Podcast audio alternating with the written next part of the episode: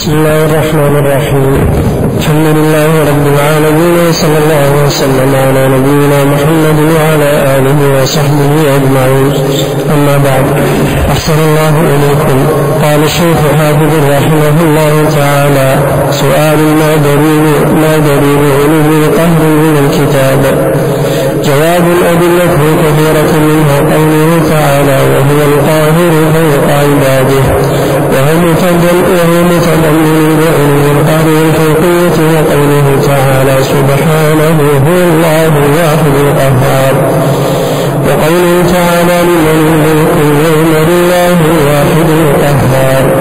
وقوله تعالى قل إنما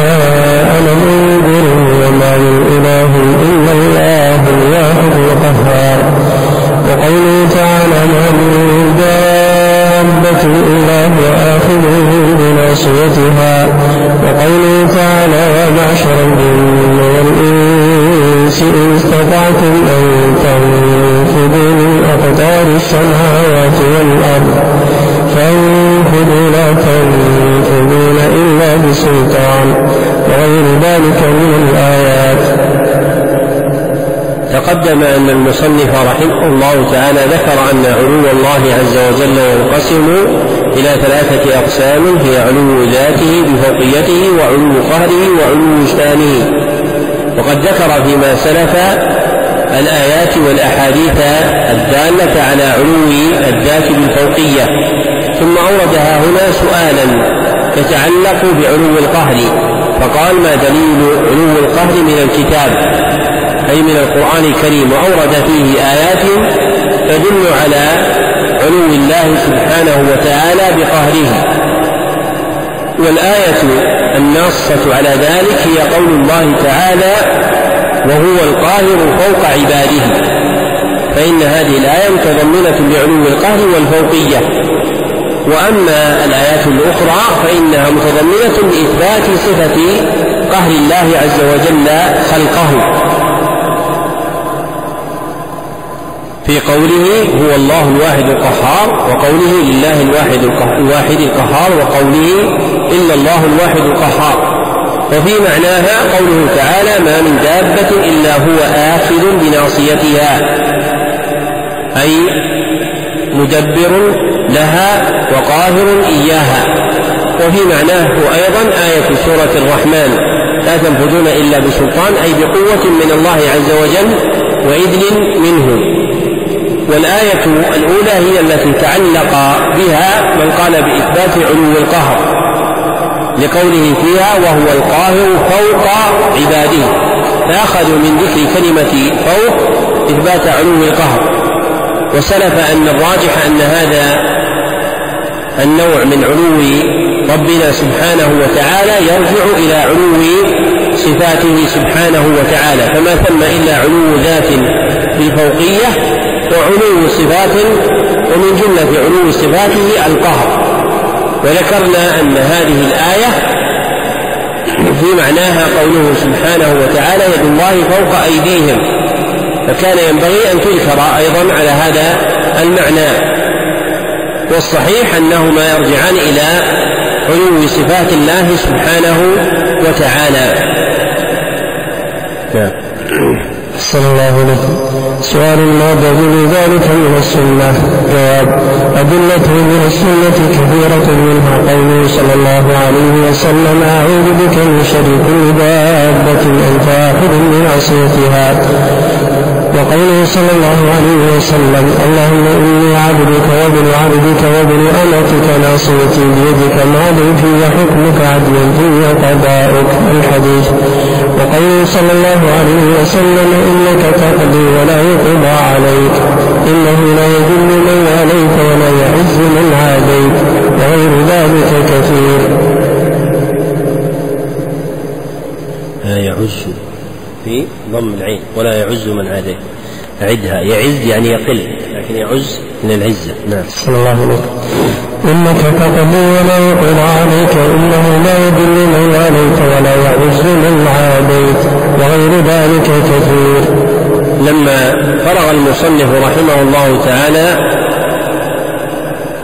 من ذكر أدلة علو القهر من الكتاب عقد سؤالا آخر يتضمن طلب أدلته من السنة وأورد أحاديث ثابتة عن النبي صلى الله عليه وسلم إلا أنها إنما تدل بمعناها على نفوذ حكم الله عز وجل وكمال ملكه وتدبيره لخلقه وأن الأمر كله بيده. وذلك كما سلف كله مندرج في علو صفاته. فهي لا تدل على إثبات علو القهر استقلالا وإنما تدل على علو صفات ربنا سبحانه وتعالى. نعم. صلى الله عليه سؤال ما دليل علو الشأن وما الذي يجب نفيه عن الله عز وجل؟ جواب اعلم أن علو الشأن هو ما تضمنه اسم القدوس السلام الكبير المتعال وما في معناها.